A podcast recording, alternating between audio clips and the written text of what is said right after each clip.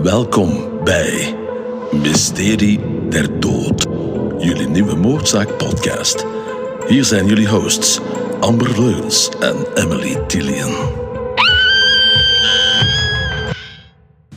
Deze aflevering gaat over de Burari Deaths in India. Burari is begonnen op 1 juli 2018. Is een familie gevonden door de buren. En de buren hebben het gemeld aan de politie om 7 uur 35 ongeveer.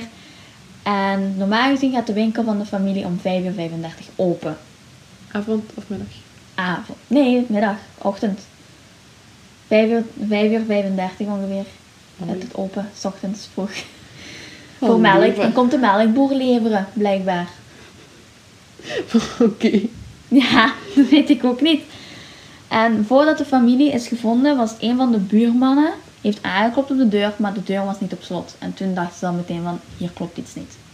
Dus dan wisten ze al van, ja, dit is niet goed, want meestal zijn de deuren gesloten s'avonds of s ochtends vroeg. Want dat is voor je eigen veiligheid. Dus rond 5, 7 uur 35 kreeg de politie van Burari, India, een telefoontje dat er eh, iets gebeurd was in zijn buurt en die moest een kijkje gaan nemen. En die kwam naar binnen en die zag elf lichamen in totaal uiteindelijk. Negen lichamen hongen van het plafond naar beneden aan kleurrijke stoffen. Eén hong aan de andere kant van de kamer. En één iemand, de grootmoeder van de familie, die lag in de kamer langs het bed. Soort van vastgebonden. Ook gestikt. Ook dood aangetroffen, ja. Ah, ze weten nog niet wat hoe ze gestorven Dat zijn. komt nog. Want daar, weet, daar wisten ze niet meteen toen dat ze het zagen, want ze hebben bepaalde dingen gezien in dat huis wat uiteindelijk ja, niet echt leidde op bepaalde dingen, zal ik maar zeggen. Dus ja, het is heel gek. Dus hè, hij zag negen mensen die zich verhangen hadden. Dat is heel gruwelijk om tegen te komen, denk ik dan. Tuurlijk. Want dat wil je toch niet alle dagen meemaken, vrees ik. En eh, het deed hem denken aan een banja-boom soort iets. Dat is een boom die de wortels en de takken heeft die naar beneden vallen. Zoals en Jane? Nee. Nee. Dat weet ik niet. Dat kan. ik ben mij nu even aan het voorstellen hoe dat de bomen en Tarzan eruit zien. Maar dat zijn gewoon de wortels die vallen naar beneden aan de takken. Lijkt op lianen. Ja, eigenlijk wel. Dat, ik, denk, ik denk dat ik dat bedoelde. Ja, dat kan wel heel goed zijn dat je dat bedoelt. Ja. Het lijkt daarop. Dat zei die politieman ook in zijn, in zijn bekentenis, zal ik maar zeggen. Van toen dat hem, nee, in zijn interview dat hem heeft gedaan. Eh, en er was ook een hond vastgebonden op het dak. Van de familie. De hond van de familie. Die was vastgebonden op het dak. Dood? Nee, die leefde nog. Die was aan het blaffen. Oké. Daar was ik heel blij om. Want Ja, ik ook. Oké, het is al heel erg van al die mensen. Dat is, dat is zo raar dat er gewoon elf mensen dood zijn aangetroffen in een huis. Want ja, als dat moord is, dan hebben ze toch heel veel mensen nodig om elf mensen tegelijkertijd te vermoorden. Ik denk niet dat dat heel makkelijk Dat is is. niet nee. Dus ja, dat is heel moeilijk. En ze hingen aan kleurrijke stoffen, zoals ik eerder zei. De, de ja, touwen, zal ik maar zeggen, waren kleurrijke stoffen. Dus dat waren gewoon klerenachtig iets. Ook raar, maar... Ja, het is ook een heel raar geval, zal ik maar zeggen. Eh, en de agent die ook ter plaatse is gekomen, die had al een shift om 5 uur s ochtends en om 7, ja, half 8, 8 uur kreeg hij telefoon van de hoofdagent, die was gaan kijken naar de plaats delict. Van, ehm die had een telefoontje gekregen. En die man die op de plaats delict was, die zei ze hangen allemaal. En hij vroeg hoeveel. En hij zei, ik kan ze niet tellen. En toen dacht hij van, dan moet het er veel zijn, want als er één iemand is, dan ziet je. Maar als het er meerdere zijn, ja, in zo'n situaties kun je niet tellen, want dan zit je helemaal opgefokt, zal ik maar zeggen. Dat is waar. Dus die was, die was, ja, die was wel buiten zinnen, zal ik zeggen. Ehm, de mensen waren dus opgehangen en de oren waren geblinddoekt en de handen waren vastgebonden. Dus dat is heel creepy. Ja. Dus geen, geen, die mensen toen dat ze doodgingen hadden geen zicht. Handen en sommige voeten waren ook vastgebonden. En bij sommigen was de mond ook dichtgeplakt. Gezellig. Ja, ja, dat is heel Oh, heel, erg. heel, heel eng. Als iemand zo'n massamoord zou willen plegen, dan heb je 20 tot 30 man nodig voor 11 mensen te moeten vermoorden. Want je zou toch bijna moeten zeggen twee of drie mensen per persoon, zeker als ze nog leven. Want er zitten volgens mij zeven mannen bij de mensen die zijn overleden en vier vrouwen. Dus als je zeven mannen moet overheersen, dat lukt niet met andere zeven mannen. Weet je de leeftijden? Uh, de leeftijd ongeveer. De oudste, de moeder van de familie, die was 80. De, an, de, do- de zonen, denk ik alleen dat, had, dat ze had. Ik ben niet 100% zeker, waren zo in de 50. En er waren ook kinderen bij van 15, 16 jaar. Nog super jong ook. Dus heel jong. Ja. Maar die waren sterk genoeg om te kunnen verdedigen als dat... Als er moordenaars zouden zijn geweest, dan zouden ze inderdaad wel sterk zijn voor zichzelf te verdedigen. Dus er zouden veel mankracht voor nodig zijn geweest voor al die elf mensen te kunnen vermoorden. Ja. Maar soms denken ze dan ook, misschien was een eten of drinken vergiftigd. Of is er een soort gas in hun ruimte gegooid gehad, zodat ze gingen slapen. En daarna hebben ze zich opgehangen. Maar dat weten ze niet, want er was, op het eerste zicht was er geen bewijs van zoveel mensen in dat huis. Het is maar een klein huisje, want het is maar India. Het zijn niet zo van die grote villa's zoals in Amerika. Dus dat is ja, moeilijk te zeggen. Ehm, dus iemand kan ze vergiftigd hebben en opgehangen hebben. Dus het zou op zelfmoord te laten kunnen lijken. Als het zou zijn gebeurd. Dat ze echt vergiftigd zou zijn geweest. Zelfmoord. Maar dat is ook raar toch? Maar ja. Ja, Dan gaat iedereen zelfmoord plegen. Waarom dan? ja.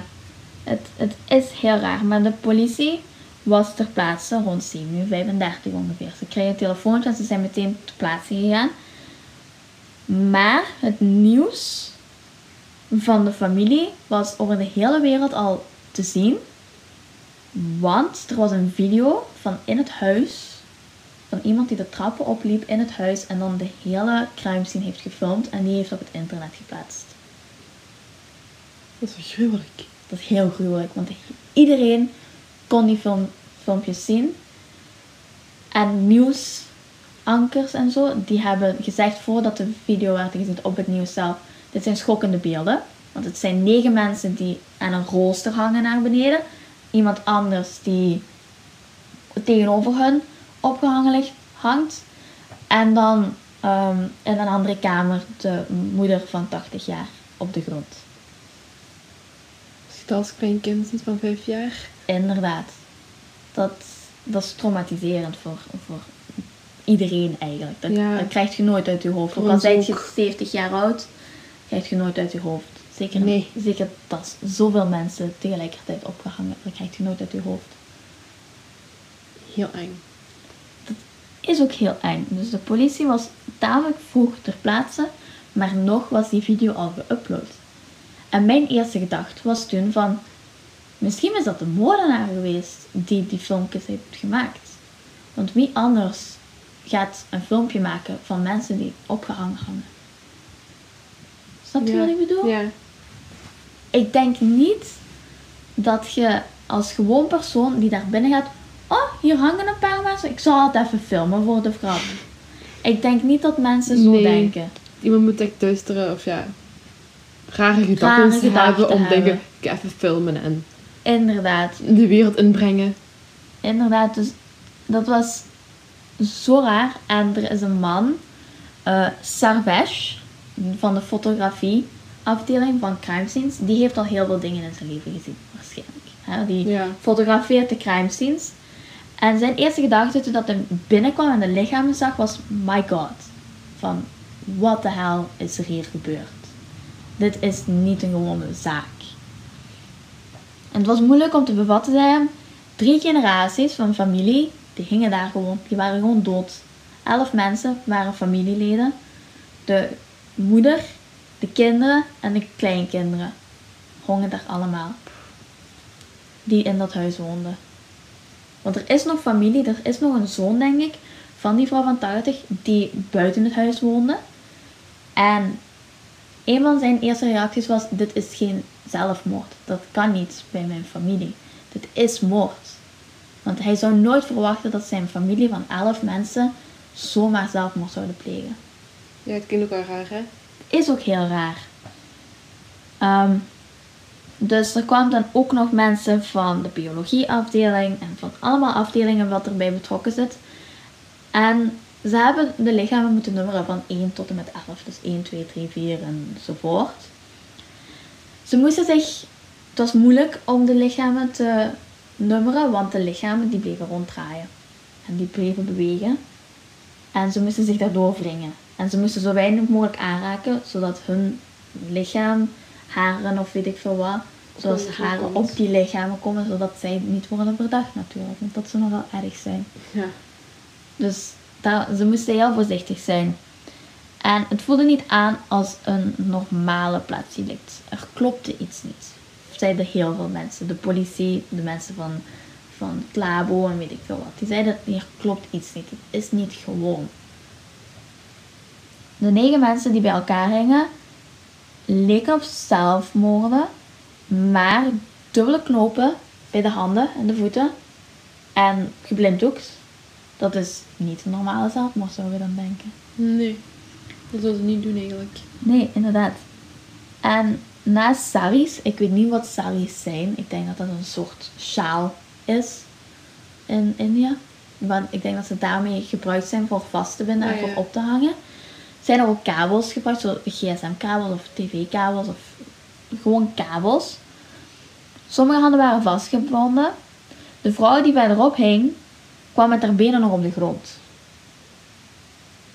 Dus dat is ook al zoiets geks. Die Dan kan je nog- overleven, hè? Inderdaad. Gesteund nog. Dan kun je nog gaan staan en dan hangt je niet met je keel aan een stuk Toch, ja. touw of stof.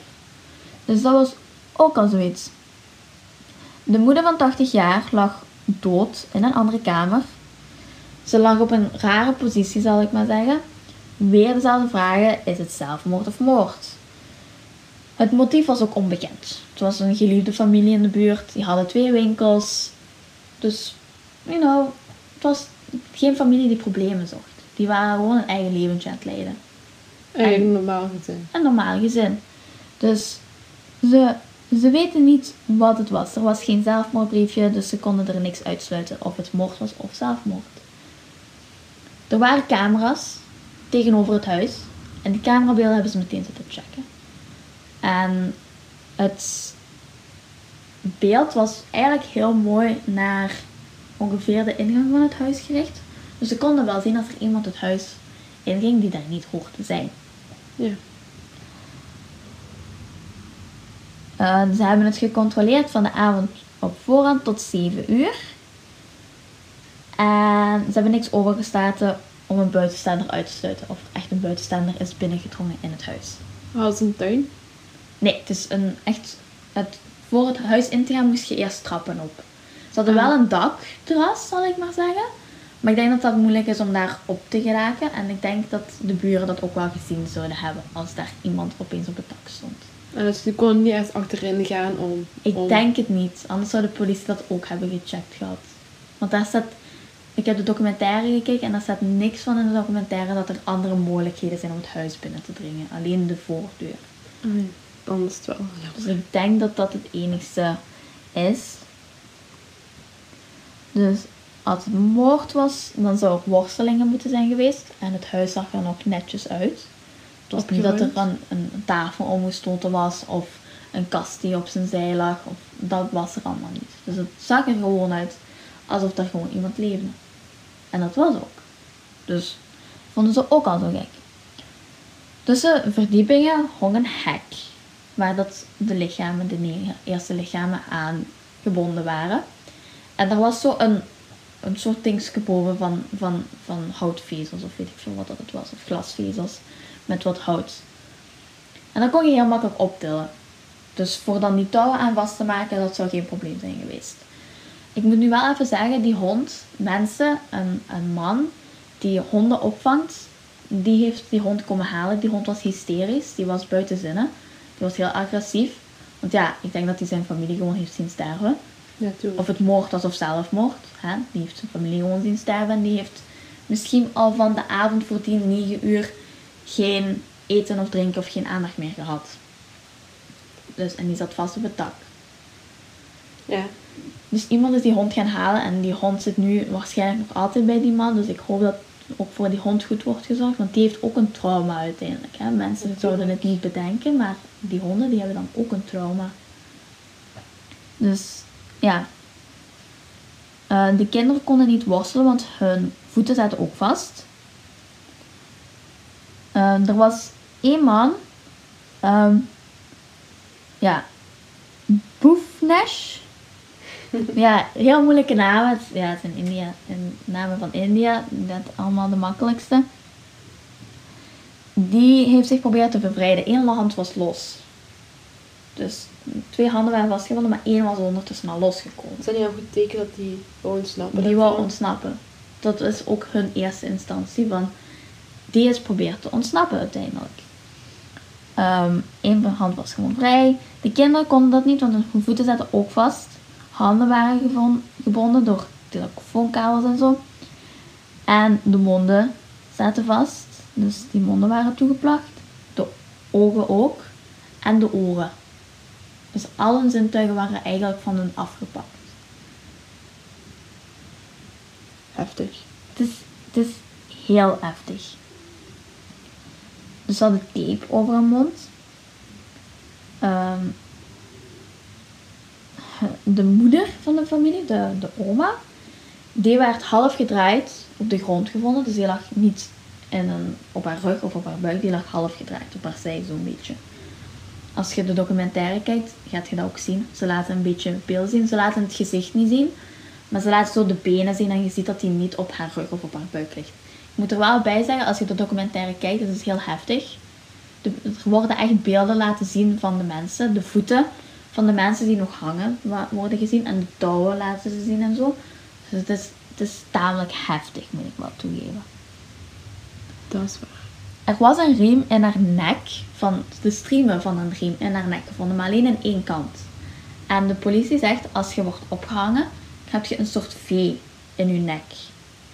Dus dat was het niet. Dus, en haar handen zouden ook vastgebonden moeten zijn aan een kast die achter haar hong.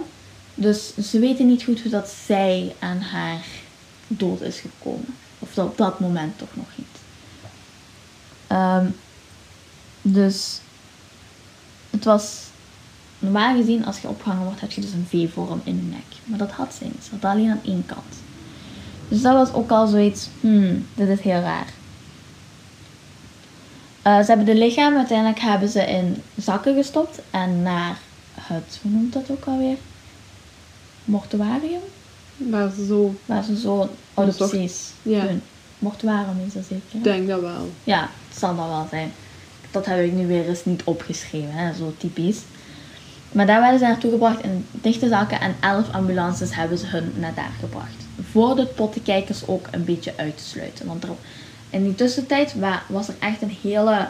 ehm, ja, binnen de ganse bevolking denk ik dat daar stond. Er stonden duizenden mensen. Allemaal mensen van, van die daar woonden. Of van het nieuws. Of van, van papieren, van kranten die waren er allemaal. En, er was echt chaos daar. Het was moeilijk om die ambulances binnen te krijgen en ze terug weg te krijgen. Dus het was heel moeilijk. En er was heel veel volk. Dat is logisch ook, hè. Zijn En, nieuwsgierig, hè. Ze willen weten wie dat gedaan heeft of wat er gebeurd is. Wat er gebeurd is, al dat gedoe. Eh, we vonden, ze vonden aanwijzingen van een ritueel dat werd uitgevoerd in het huis. Dus een bakje met assen of bepaalde dingetjes in. Hebben ze gevonden. Op 28 juni 2018, dus twee, drie dagen voor de...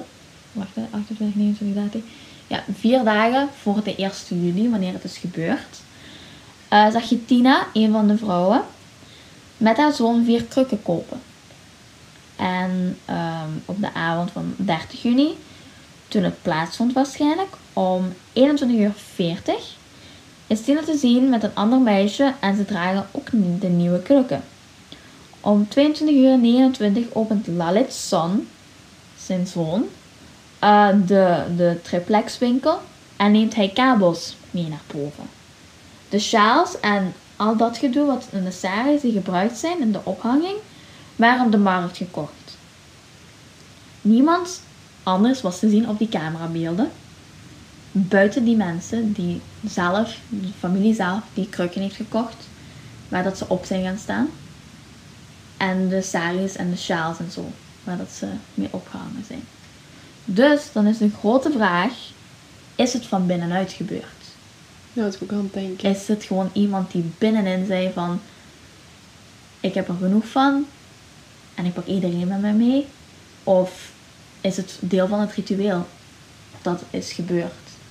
Is het het ritueel dat ervoor heeft gezorgd dat al die mensen dood zijn? Dat was de grote vraag. En dat is het einde van de eerste aflevering. Dus het eindigt een beetje op een cliffhanger. Dus het is een heel moeilijk verhaal ook om te vertellen, vind ik. Want als je het hele verhaal weet, dan moet je eigenlijk al meteen zeggen van en dat is er toen gebeurd op het einde. Maar je moet het stap per stap uitleggen, want anders gaat je één, veel dingen spoilen. En gaan heel veel mensen de war geraken erover. Dus ik moet mij inhouden om niet te zeggen van "Huh, het was dit of het was dat. Dus ik moet mij een beetje inhouden. Maar het komt goed. Dus nu, volgende gedeelte is dat ze dagboeken hebben gevonden. De dagboeken werd alles duidelijk blijkbaar. Ze vonden er van alles en ze hebben in totaal 11 dagboeken gevonden. Over 11 jaar heen. Van 2007 2018. Die boek- dagboeken waren geschreven in al die jaren. Dus dachten ze van misschien komen we hier meer te weten over waarom dit is gebeurd en hoe dit is gebeurd. Hopelijk. Hopelijk wel, ja. Dus de dagboeken bleken het belangrijkste bewijs te zijn dat ze momenteel hadden. Want ze konden verantwoordelijk zijn voor de elf doden die er waren. Want hè, als daar iets in staat dat heel belangrijk is, dan kunnen ze meer te weten komen. Waarom of hoe dat die mensen dood zijn teruggevonden. Want het was een familie die veel vrienden had.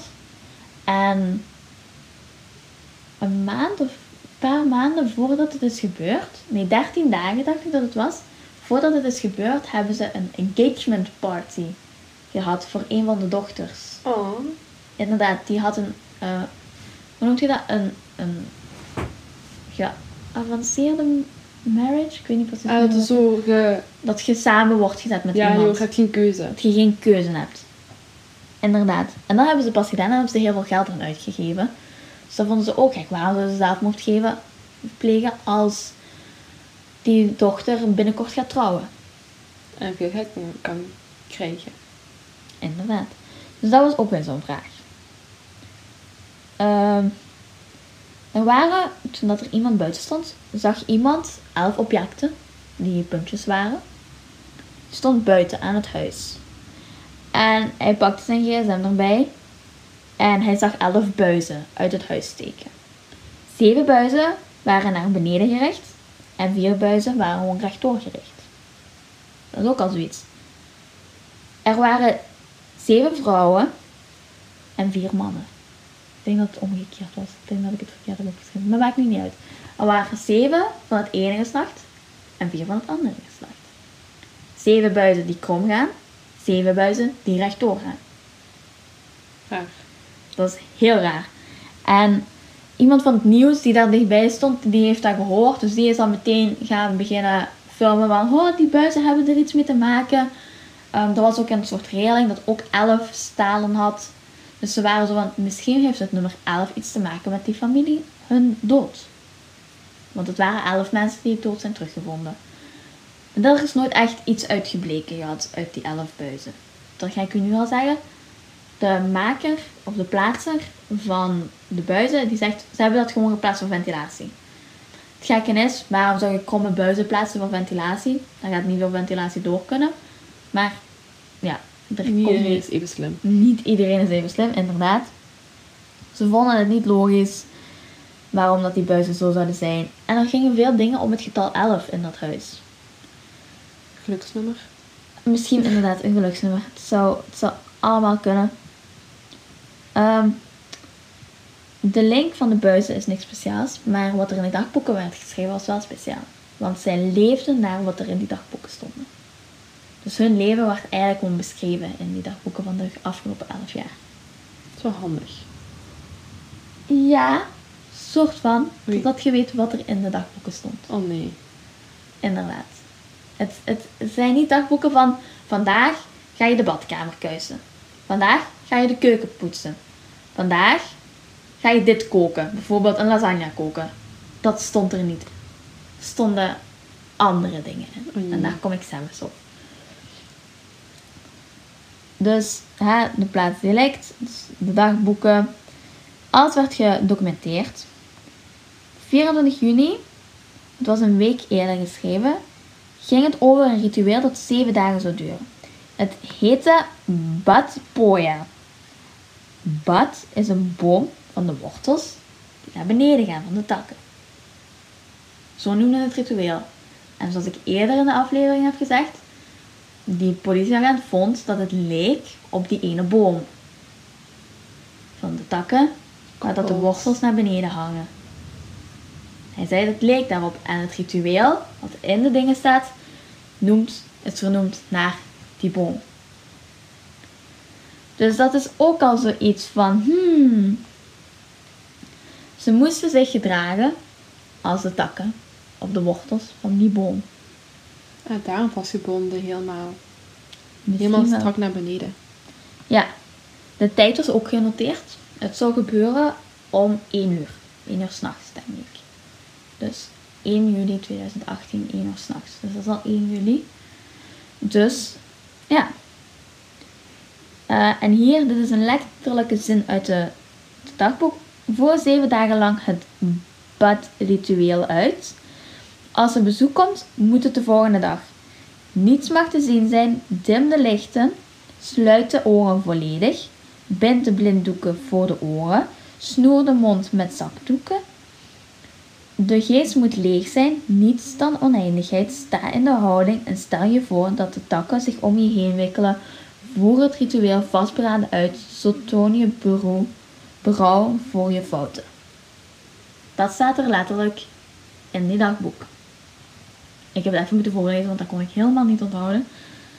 Eh, de teksten waren angstaanjagend, zei eh, iemand, ik denk een verslaggever of een politieagent. Ik vond het angstaanjagend, Logisch. Zoiets hoort. inderdaad. Ehm Zelfs komen er nog meer dingen dat in het dagboek stond. Er staan heel veel dingen in de dagboeken waarvan je denkt van... Holy hell. Ook die van 15 jaar en 16 jaar. Schreeuw er ook in. Nee, daar ga ik zelfs aan komen wie dat er precies in schreef. Oké. Dus rustig. Sorry. nee, dat is niet erg. Dat is gewoon enthousiasme. Ik kan weten. Ik wilt weten wat het precies is gebeurd. En dat snap ik, want dat had ik ook van moment 1 van wat is er precies gebeurd. Dus, waar zat ik? Oké. Het leek erop dat de teksten daarin geschreven werden. Iedere ochtend kreeg elke familie het in het dagboek voor hun routine van die dag. Maar het was niet de routine van poets de badkamer, poets de keuken, kook een lasagne of ga uit eten of weet ik veel wat. Zo'n soort routine was het. Spijtig genoeg niet.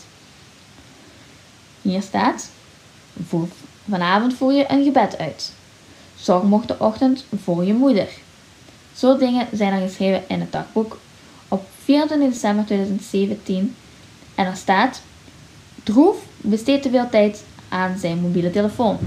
Pas dat aan. Dat staat erin. Dus er staat in van dat hij niet meer zoveel op zijn mobiele telefoon mag. Omdat Dat slecht echt. zou zijn. Dat zet er bijvoorbeeld al in. Er stonden ook rare, enge details in die het idee gaven van hekserij en ook occulte praktijken. En dat uiteindelijk leidde tot een dood misschien. Ehm, ja, het, het, het was zo van dat deze elf mensen in een richting werden gestuurd. Van doe dit, doe dat. De familie was doordrongen van bijgeloof wel. Dus de familie was heel gelovig. Dus ze zouden geloven dat het een god was die tegen hen praatte bijvoorbeeld. Maar dat was het niet. Want het zou wel Denken, ja, ik was aan het denken, al zo'n god zijn. Ja. doe dat. Ik denk niet dat een god dat heel snel zou doen.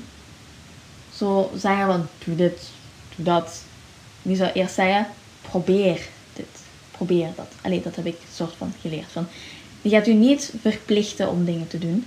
Die gaat u zeggen, die gaat u dingen aanraden voor je leven te verbeteren. Maar die gaat niet zeggen, nu doet je dit voor dit te doen. Voor je leven te verbeteren. Ah ja, oké. Dat is niet zo'n baas. Dat is een man die u probeert helpen uw leven te verbeteren. Oké, dat is logischer. Ja, Beter. dus ze hebben mensen gezocht van, van, van die achtergrond, van de rituelen en zo. Hebben ze niet gevonden. Ehm, er werd iemand vers- eh, ja, beschuldigd van iets, maar het is nooit gebleken dat zij echt schuldig was. Zij is ook niet schuldig als je het hele verhaal weet, dus het heeft daar niks mee te maken. Ehm, later ontdekte ze dat sinds 2007 Lalit, eh, een van de zonen, werd bezocht door zijn dode vader in zijn dromen. Hij voerde gesprekken met zijn vader en hij deed wat hij zei. Langzaamaan deelde hij alles met de familie. Dat hij zijn vader zag en dat hij echt gewoon gesprekken had met hem.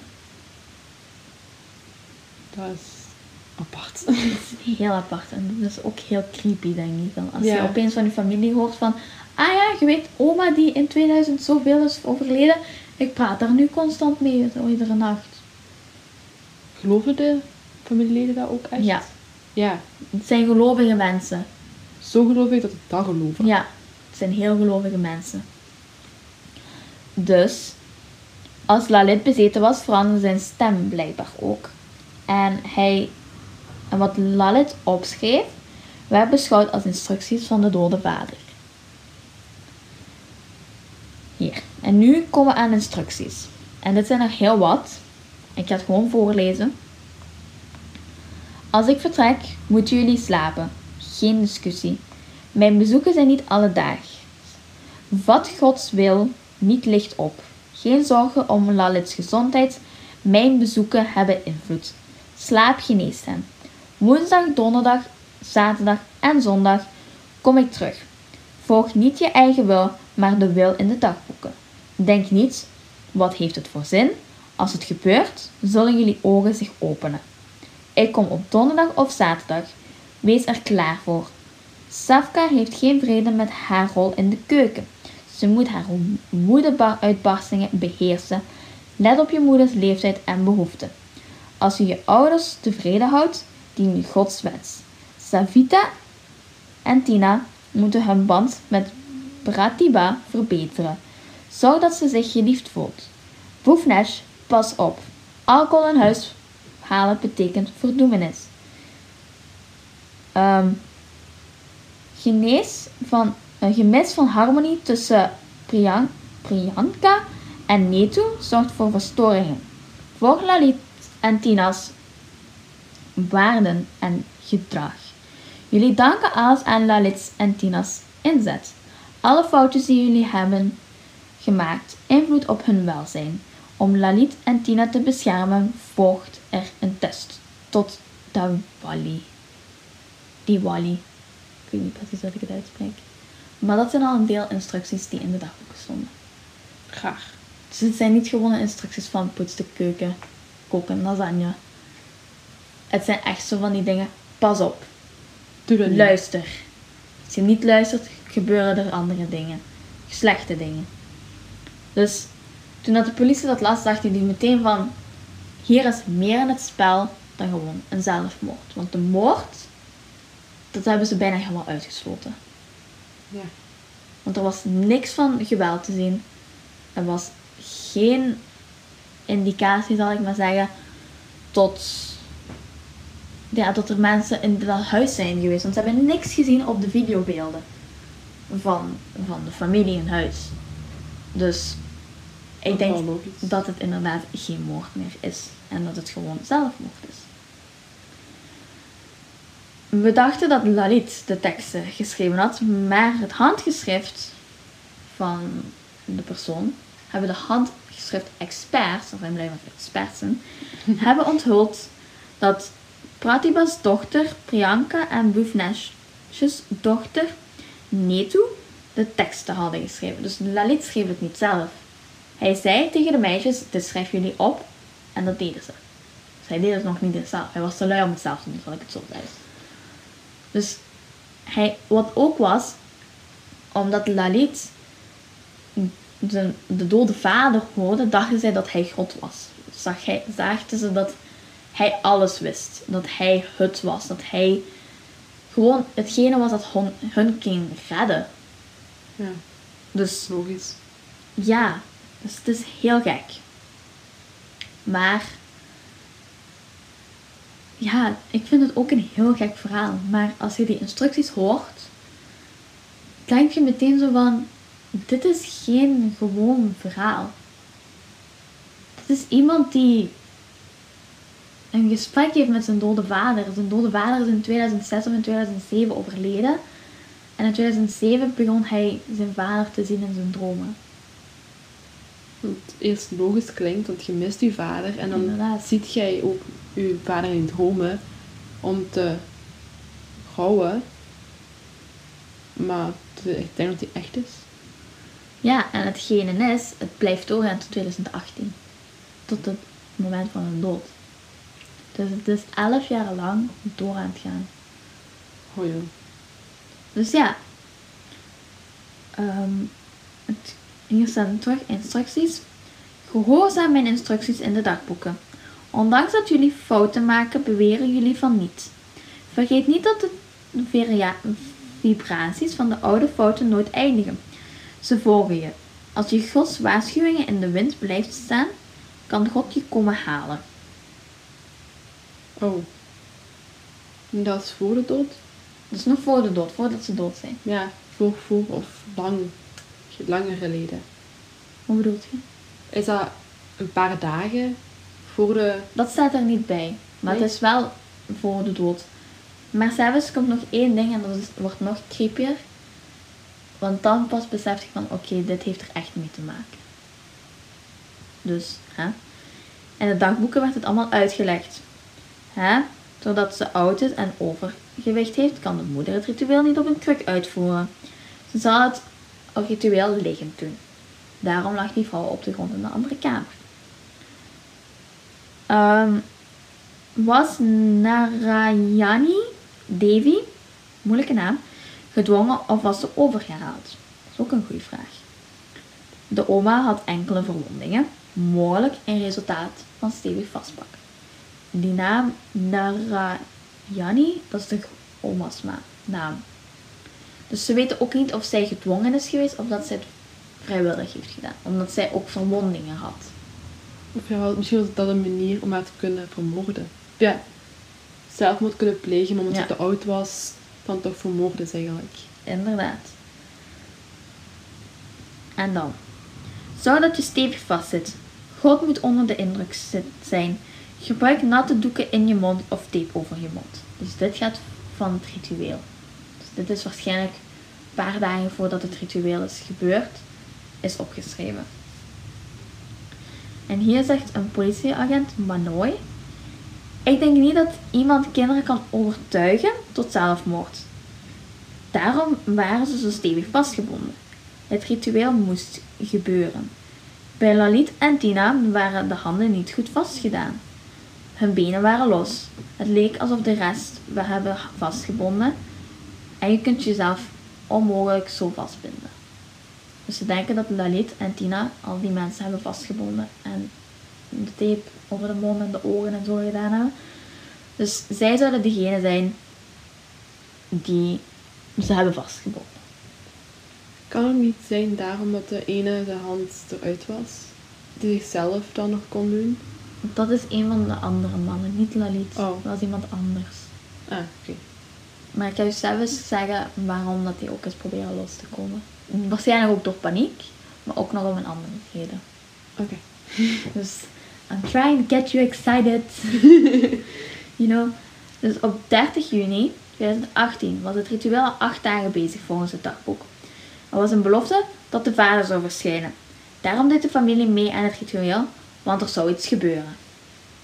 Iets goeds gebeuren, beter zelfs. Dus ze dachten echt van, als wij dit doen, komt vader terug. Nee, dan gaan ze naar vader toe. Dat dacht ik ook. en hier zijn terug instructies. Wetende dat jullie elf bij elkaar staan met één gedachte. Raak niet in paniek tijdens het ritueel. De aarde kan beven en de hemelen trillen. Laat het je niet verzwakken. Overtuig de kinderen te blijven zingen. Het zingen kan 15 te 15 minuten over duren. Zolang het zingen duurt, beschermt Lalit jullie allemaal. Het vastbinden gebeurt door een, een van jullie. Als alles gereed is, geeft Lalit een teken met een stok. Plaats een beker met water in de buurt. Als de kleur van het water verandert, kom ik terug. Ja. Dat is apart. Inderdaad. En dat is het einde van de tweede aflevering van de documentaire. Dus, dan denk je al meteen, dit is een geplande zelfmoord om die vader terug te zien.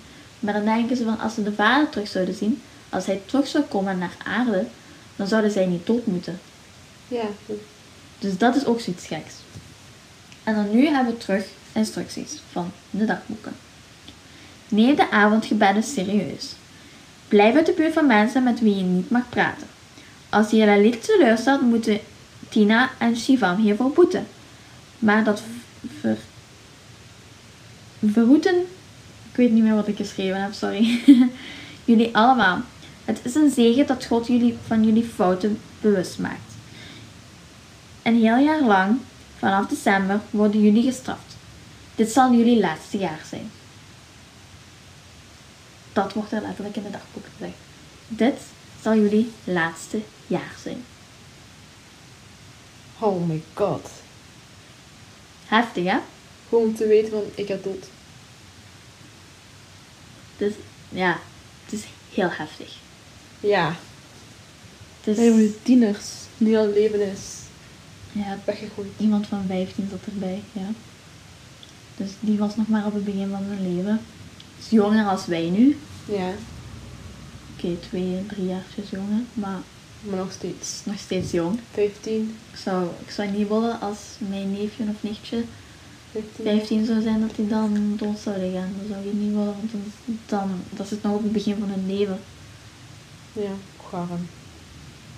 Dus na het- zijn overlijden, overlijden van Lalit's vader hoorde hij de stem van zijn vader. Eh, hij zei dat hij Hanuman Jalisa dagelijks om 10 uur s'avonds moest voordragen. Lalit krijgt zijn stem terug. Dus Lalit is zijn stem verloren in een accident in 2004. Hij was opgesloten in een gebouw, dacht ik dat het was, en dat werd in brand gestoken. En ze denken door de shock en door wat er ook gebeurd is met hem, dat hij daardoor is stoppen met praten. Dat hij daardoor zijn stem is verloren. Maar het duurde een jaar en ze droegen Hanuman Chalisa elke dag voor toen Lalit plots begon te zingen. En hij had zijn stem terug. Dat is goed. Soort van. Ja. Want dan nu denken sommige experts dat hij het gefaked heeft, dat hij ooit zijn stem is verloren. Ze, weet, ze kunnen nooit zeker weten of hij het echt had, dat hij zijn stem kwijt was. Je kunt je stem echt kwijtraken. Of dat hij het gefaked heeft. En dat kunnen ze nu weten. niet meer vragen. Nee. Dus Het is een beetje moeilijk zijn. Inderdaad.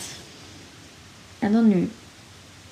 Lalit moest de familie bijeenhouden. Dat deed hij heel goed. In de laatste elf jaar was er niemand gewond geraakt. Tot dat moment. Dus in die elf jaar dat zijn vader was overleden, heeft hij alles op zichzelf genomen voor de familie te beschermen.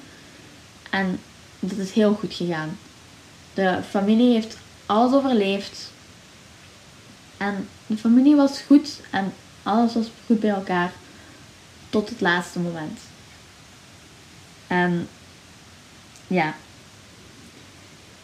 In het geschreven materiaal lazen ze herhaaldelijk: Niemand is ongehoorzaam aan wat er hier geschreven staat. Dus dat wil zeggen dat je moest luisteren naar wat er hier geschreven staat, want anders konden er problemen komen. En dan moest er iemand voor boeten. Oei. Want dat had ook gewerkt, want hun levenskwaliteit was verbeterd, zeggen ze. En door het opvolgen van de instructies maakte de familie een groei door. Dus de familie werd misschien iets rijker, kon een tweede winkel openen, want ze hadden eerst één winkel en toen hadden ze een tweede winkel geopend. Dus het ging op dat vlak heel goed voor de familie. Dus het was niet dat dit is gebeurd door geldtekort. Dus alles lijkt er nu ook echt op op een zelfmoord. Een massa zelfmoord. Door het ritueel. Dus dat zeggen ze ook. Alles wijst naar een zelfmoord. Kunnen we met zekerheid zeggen? Ja. Een incidental dood, een onbedoelde dood. Dat ook. Als je naar het dagboek kijkt, staat er: iedereen helpt elkaar met het losmaken. Inderdaad, ik zie wie je zegt. Ja, dat is zo raar. Maar dat is nooit gebeurd. Ze hadden verwacht om het ritueel te overleven. We denken dat het onopzettelijk was dat er geen mensen zijn overleefd. Dus dat het geen moord is, is geen zelfmoord. Dit verhaal is puur een ongeluk. Dus het is geen zelfmoord, het is geen moord. De mensen die zichzelf hebben opgehangen moesten zich los proberen te maken voor het ritueel. En ze wisten niet dat ze er aan dood gingen blijven. En dat is het ergste. niemand kan ontsnappen. Inderdaad. En dat is het ergste van het ganse verhaal. Daarom, die ene man, zijn ene hand losgemaakt. Daarom kunnen ze ook bewijzen dat het inderdaad geen bedoelde zelfmoord was. Dit was bedoeld voor gewoon los te maken, maar niet dood te gaan. Dus die familie dacht, als we dit doen, komt onze vader terug en leven wij happily ever after. We zijn bij hun vader terug. Inderdaad, normaal gezien. Op een verkeerde manier. Ja, inderdaad. Op een verkeerde manier toch? Het is inderdaad spijtig genoeg wel op een verkeerde manier. Maar op het einde zei ze ook, Lalit had problemen, psychose. Lalit droeg dat ook over aan zijn familie, uiteindelijk. Door al die beelden dat hij zag van zijn vader. Het was een gedeelde psychose. eh, en met de adoptie, en dan doen ze zo een psychologische adoptie, stelt het echt vast dat ze geen zelfmoord wilde plegen. Oh jong. Inderdaad. En dat was eigenlijk mijn verhaal. Dus wat eerst leek op moord of zelfmoord, is uiteindelijk een onbedoelde zelfmoord geweest. Elf mensen. Elf mensen zijn Door een ongeluk. een ongeluk zijn overleden. Maar door een Door psychose, psychose, ongeluk zijn er nu elf mensen er niet meer sinds 2018, 11, 1 juli. Door een psychose ongeluk, zal ik maar zeggen. Ja, graag. Ja, het is een heel schokkend verhaal als je het zo bekijkt. Heel graag verhaal. Want had gewoon niet gevolgd de instructies. Ja, Had geluisterd, ja, maar ja. had er niet naar geluisterd. Maar als je heel gelovig bent en iemand van je familie die praat met een dood familielid, dan denken ze, ja, Die weten pers- alles. Die weten alles. Die zijn in de hemel en die weten alles wat er na het leven is en die weten alles wat er tijdens het leven gebeurt. Ja. Het is een heel gek verhaal. Het is een heel zielig verhaal ook. En de familie kan het niet begrijpen. De familie praat ook in de documentaire. Dus als je wilt weten wat de familie allemaal te zeggen heeft over de familie, dan zou ik zeker de documentaire kijken. Niet als je snel getriggerd wordt over zelfmoord, want het is uiteindelijk zelfmoord. Als je daar niet snel getriggerd wordt, is de documentaire wel het, het kijken waard. Want de familie praat soms ook. En dat is ook belangrijk, want ik heb nu niet veel over de familie gepraat, want anders kan het te langdradig worden. Maar sommige mensen in de familie hadden heel goede vrienden die ze zagen als broer of zus. En die mensen kunnen niet begrijpen dat dit een ongeluk is en dat dit echt is gebeurd. Dat dit echt is gebeurd met hun vrienden en familieleden. Heftig. Ja. Is heel heftig. Dus dit was mijn verhaal, mijn eerste verhaal. Ik heb het overleefd. dat is goed. Bedankt voor het luisteren naar deze aflevering van Mysterie ter Dood en we zien jullie graag een volgende keer. Bye! Welkom bij Mysterie der Dood, jullie nieuwe moordzaak podcast.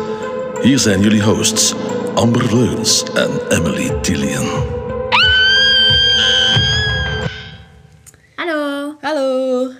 Dus, wat was de vorige aflevering ook alweer? De pluraliteit, de zelfmoord, Slash moord, slash wat dan ook.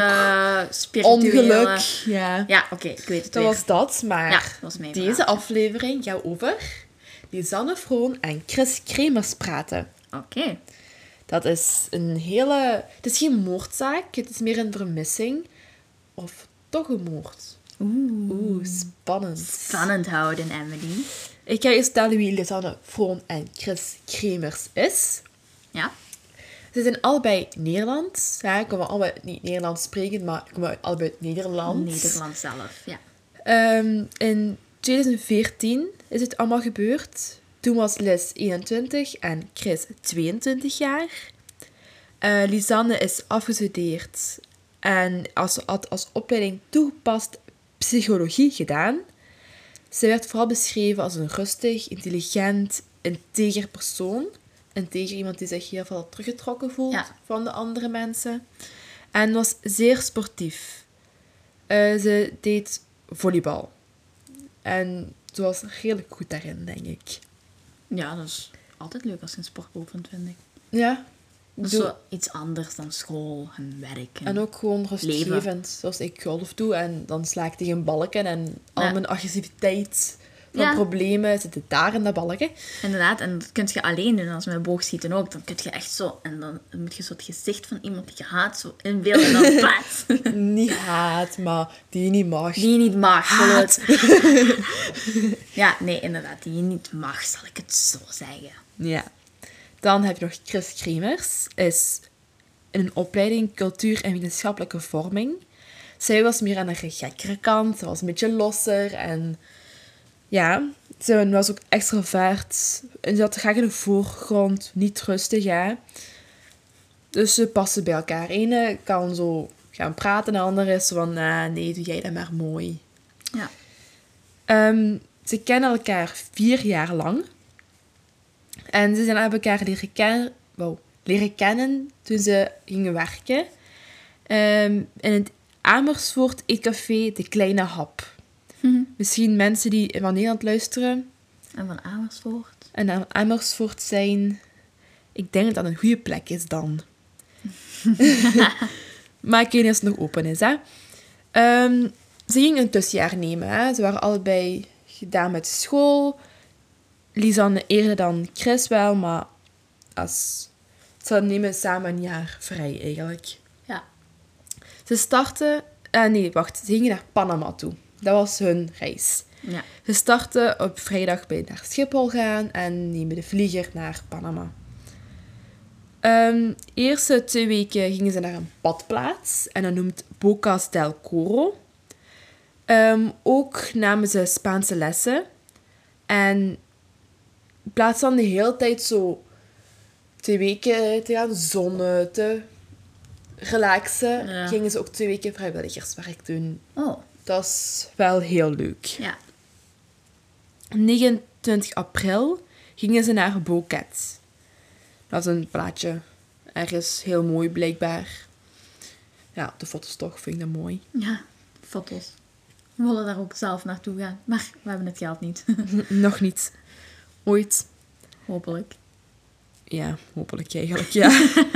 Ehm ze gingen vrijwilligerswerk doen daar. eh, in een kinderdagverblijf voor vier weken lang. Dus dat is een redelijke tijd. Ja. Ze gingen niet naar een hotel toe, maar eerder naar een gastgezin. En dat was een heel lieve vrouw, was super welkom bij hun en het wa- was echt leuk. En 31 maart gingen ze vrijwilligerswerk doen, gingen ze zich eigenlijk aanmelden. Ehm, maar ze waren zeer onvriendelijk tegen hun en ze zeiden ook dat er geen plek was. Maar ze hadden een mail gestuurd en ze zeiden ze hebben de mail bevestigd. Ze werden weggestuurd en ze dachten, nu we toch niks te doen hebben, kunnen we beter de stad een beetje gaan verkennen, leuke wandelingen gaan doen. Ja. Maar in één keer zeggen de vrijwilliger mensen om toch te komen een week later. Jee. Maar ze hadden wel een week vrij nog steeds. Dus ze dachten, we kunnen nog steeds de mooie, goede wandelingen gaan doen. Ja. Ehm, een andere route die ze gingen wouden doen was de Pianista Trail. En dat is een soort jungle. Ik ga een klein beetje de route beschrijven. Dat is 20 minuten velden. Hè, de jungle in en dan gaan ze omhoog en dan komen ze een top uit dat zo mooi is. Dat is niet normaal mooi. Dus iedereen die naartoe wilt gaan, doe dat. Maar het is afgeraden om, als je geen ervaring hebt, om een gids tenminste te pakken. Ja, dus een gids nemen. Omdat het een pad is dat zeer modderig is. Je kan vlug verdwalen. En het regent heel veel, dus het is best dat je een gids hebt die de weg kent, die weet waar de gevaarlijke stukjes zijn, waar je moet opletten. En je kan het doen, ook als je geen ervaring hebt, nou, blijf op, op het pad. Inderdaad. Ehm, het eh, trail duurt drie uur, maar ze zeggen pak vijf uur, want dan ga je weer iets eten of dan gaat er weer vertraging komen. En in het donker wil je het zeker niet daar zijn, dus zeker vijf uur tellen dat je tenminste genoeg tijd hebt. Ja, en op het einde zit je moe en dan gaat je automatisch trager gaan dan dat je op het begin gaat. Ja. Dus ja, zeker genoeg tijd tellen dan. Ja. 1 april was de wandeling. En ze waren laatst gezien in de taalschool, want nog steeds gingen ze Spaanse lessen volgen en een beetje taal leren en zo. En daarna gingen ze op pad. Het was zonnig en warm. Ze dragen een korte spijkerbroek. Chris rood met een witte tanktop. Lisanne een turquoise tanktop. En ze hadden één rugzak met allemaal bezittingen in. Ehm, eerst kwam je zo bij de wandeling in, daar, langs een restaurant. En daar hadden ze een hond, Blue. En ze zeggen van die hond dat ze, als je daar voorbij komt, dat die soms met wandelaars mee naar de top gaan en teruggaan. Wat heel leuk kan zijn. Dat is inderdaad wel tof. Heel tof. Maar in veel bronnen zeggen ze dat dat van niet is. En sommige bronnen zeggen dat dat wel is. Ja. Want die hond kwam ook terug zonder iemand. Zonder die meisjes. En dat is niet normaal. Nee. Normaal komen ze altijd terug met de hond. Ja, Dus dat vonden ze ook al een beetje raar. inderdaad wel, ja. Ehm, maar ze keren die avond niet terug. Hè, wat ik net ook al gezegd heb. En de gastvrouw maakte zich nog geen zorgen. Want ja, er zijn twee jongere meisjes. Die kunnen naar een vuist gaan. Of die kunnen naar... Hebben jongens ontmoet en hebben zo'n plezant eh, nou, dansje, nachtje meegemaakt. Dansje kan ook. Nou, dansje kan ook altijd, natuurlijk. Ehm, maar na twee dagen waren ze toch wel op vermist gezet, want ze hadden die dag een gids geboekt voor een wandeling langs een waterval. Maar ze zijn niet komen opdagen, wat heel raar is. Het was een grootschalig onderzoek. Er waren veel vragen ook van, is het een moord? Zijn ze verdwaald? Is het, is het een ongeluk? Ze weten het niks. Ze weten niet waar ze rondhangen. Zijn ze toch terug naar huis vertrokken? Kan ook, hè. Ja. Ehm, tien weken later eh, kwamen er allemaal indianen langs de Klederenrivier die daar stroomde. En ze vonden een rugzak, maar die was niet doorweekt langs de rivier. Hè? Oké. Maar het lag op- ook op een plek dat moeilijk te bereiken was. Het zou niet daar geraken zonder, zonder dat dat gestroomd heeft. Zonder dat het in Ja. het water heeft gelegen en daar aan de kant is gespoeld geweest. Ja, dat. Ehm hetzelfde met ook het rare is, dat is 12 uur van Cat af.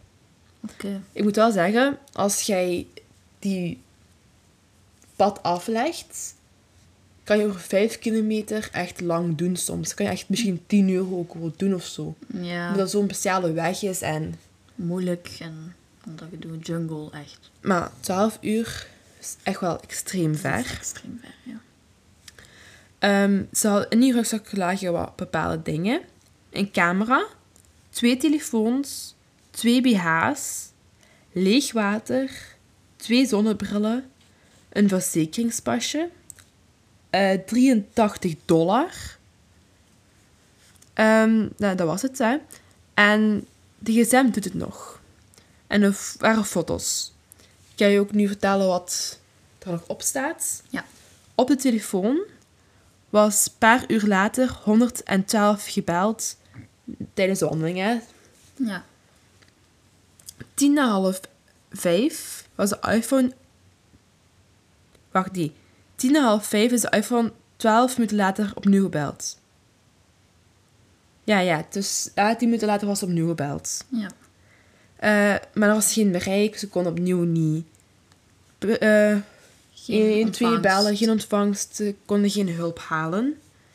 Eh dagen erna was met de telefoon nog gebeld.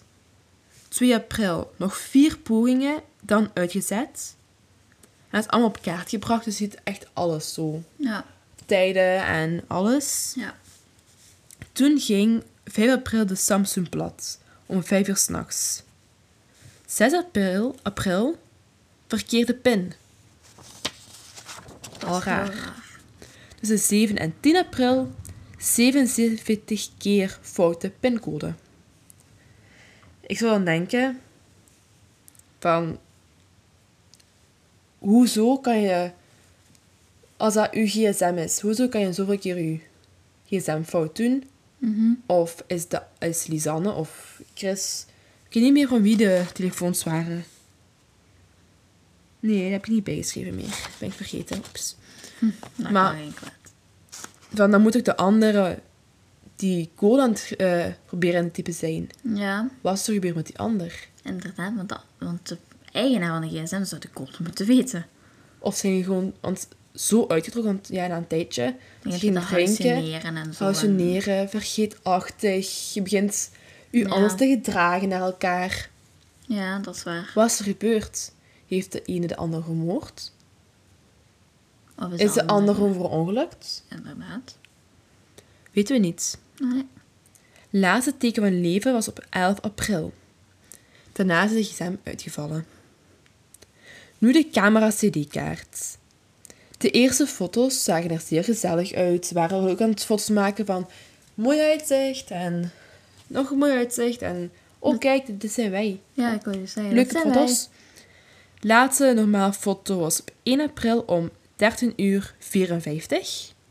Was de laatste normale foto.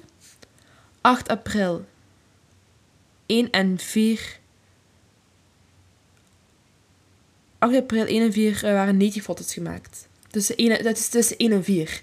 Ja. Waren eh 90 foto's gemaakt. Maar deze waren niet echt normaal. Het was veel met natuurgebied. Met bossen, waterdruppels. En het was heel donker. Ja. Dus je zag ook zo een berg. Hè? En dan... Dus ze zaten misschien ergens gevallen geweest of, Ja. of lagen ergens. Maar je zag echt het flits zo druppels hangen eigenlijk. Ja. Eh, De politie ging dan de foto's analyseren, kijken wat het was. Op één foto zag je met stof of wc-papier of wat dan ook eh, SOS staan. Dus ze waren al hulp aan het zoeken. Maar ook een spiegeltje. Twee takjes met twee rode papiertjes. En de derde eh, was de haar van Chris. En daar zat bloed op. Denken ze. Denken ze. Sommige mensen zien dat er precies in, maar sommige mensen niet. Sommige mensen zien het niet. Oké. Ik heb naar de foto's gekeken. Ik snap het wel dat hij daar bloed in ziet, maar ik weet het niet. Het kan ook gewoon helemaal iets anders zijn. Ja. Want ze had ook oh, rossig haar, dus. Ja. dus ja, die had blond haar, maar het leek rossig Ja.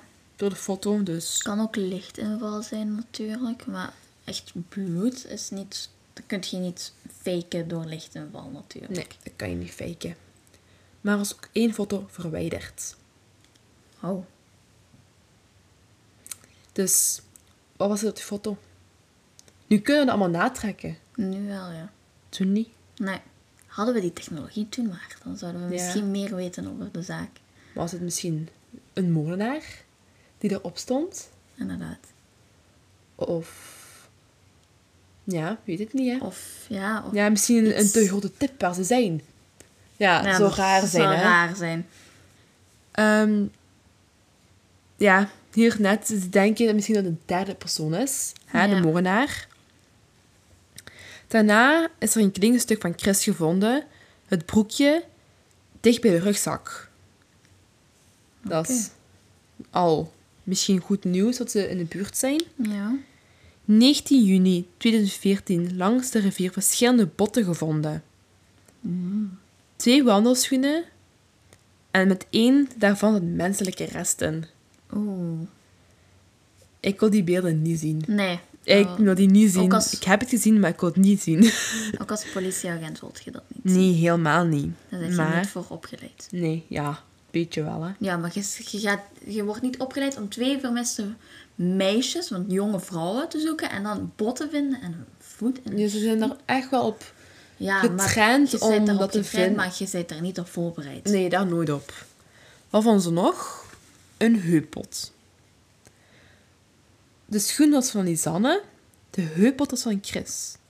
In totaal zijn er 33 botten gevonden en dat was 8 uur van boeket af. Mm, Oké, dat is fair. Ja. De onderzoeken gaan uit van een ongeluk. Want eenmaal als je afwijkt, is het gevaarlijk. Ja. Maar één stuk is zeer gevaarlijk.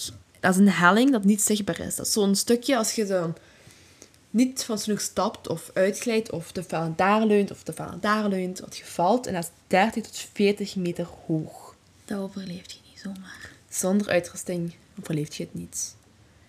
Of ga ik er tenminste al niet uit. Nee, zeker niet. Lisanne was een beetje getest en ze had een beenvliesontsteking. Dus is ze dan gevallen? Inderdaad. Uitgegleden? Geen idee. Er is een andere scenario. Hetzelfde, maar andere plek. Als je een pad afgaat, dan kom je op een bepaald stuk terecht waar je zou kunnen vallen. Eventueel. Ehm, en dat komt omdat een taalkursus was er een informatiemap aan. En dat is fout. Oh, Want die zei bij de top moet je niet terugkeren. Want als je bij die pad moet je terugkeren. Gewoon dezelfde pad terugvolgen. ja. Maar op die pad staat, ga verder. Oei, ja, dat is inderdaad een heel groot verschil. Maar het ding was, ze hebben foto's gevonden van een plek waar, ehm, ja, zeg je dat? Waar van een pad af zijn gegaan. Er was één foto dat eigenlijk een normale foto was, Ja. maar het was niet op de pad. Dus ze denken dat ze dat plekje gewoon zijn verder gelopen. Oké, ja.